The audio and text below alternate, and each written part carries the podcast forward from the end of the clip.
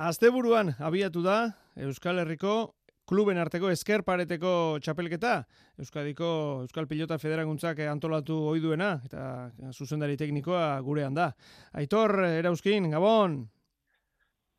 Gabon, kepa! Bueno, beti bezala datu potoloak guztuen dituen txapelketa da, ez da? Hori da, e, urtero lez, e, Euskal Herriko eskerparetako kluben txapelketa E, hasi dugu, guretzako e, kluben arteko txapelketarik garrantzitsuena, eta zuk esan bezala, ba, zenbaki potoloak e, izten dituenak, hainbat e, modalitate, espezialitate, eta hainbat klub eta pilotarik e, parte hartzen dutena. Ikusi dut, iruro gaita malau klub guztira, e, bosteun pilotari inguru, eta bueno, ba, ba herrialde guztietakoak, ez da, gustora zaudete parte hartzearekin, aitor?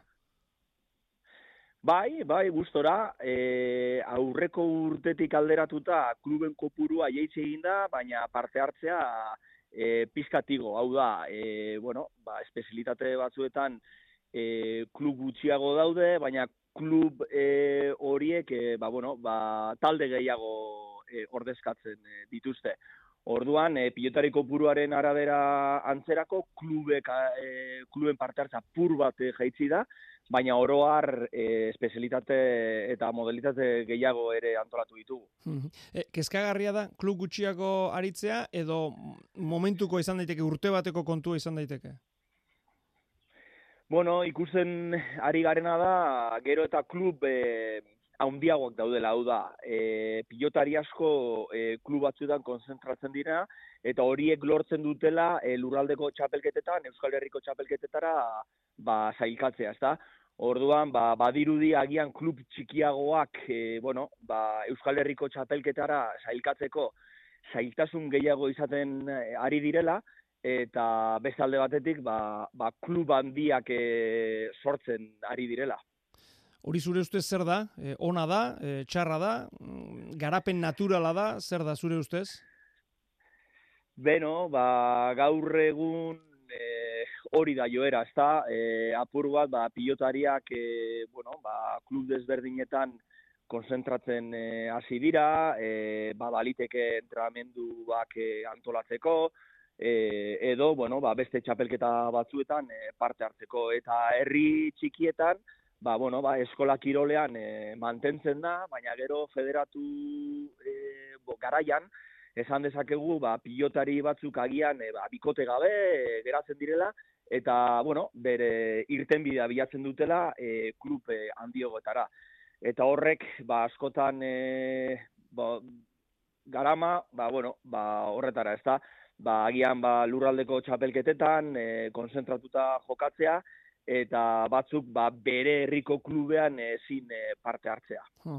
Bueno, Gipuzkoatik hogeita zazpi klub, Bizkaitik e, hogeita lau, Nafarrak amalau, zazpi arabarrak, eta iparraldekoak e, bi, hori esek hori da banaketa, ba, lurralde ezberdinen eh, artean. Zuk esan bezala, bueno, e, kategoria asko daude, adinaren arabera banatuta, eta baita espezialitateak ere, eskuz binaka, e, nesken gomazko paleta, gizonezkoen gomazko paleta, paleta larruz, e, erraminta, fronteniza, eta zesta punta. Txapelketa anitza eta aberatsa da, ez da, Itor?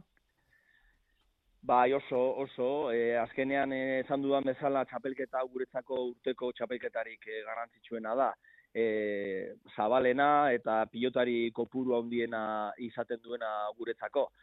E, hor, e, aipatzekoa da, adibidez erramintan aurten e, sistema aldatu dugula, nagusi kategorian e, larruzko paletan eta e, palamotzean, bueno, ba, txapelketa beraik antolatu beharrean e, banatuta, aurten e, taldeko formatuan e, antolatuko dela hau da. E, talde batek e, derrigorrez e, larruzko paletan eta pala motzean e, aurkeztu behar izan duela bikotea eta talde moduan lehiatzen direla.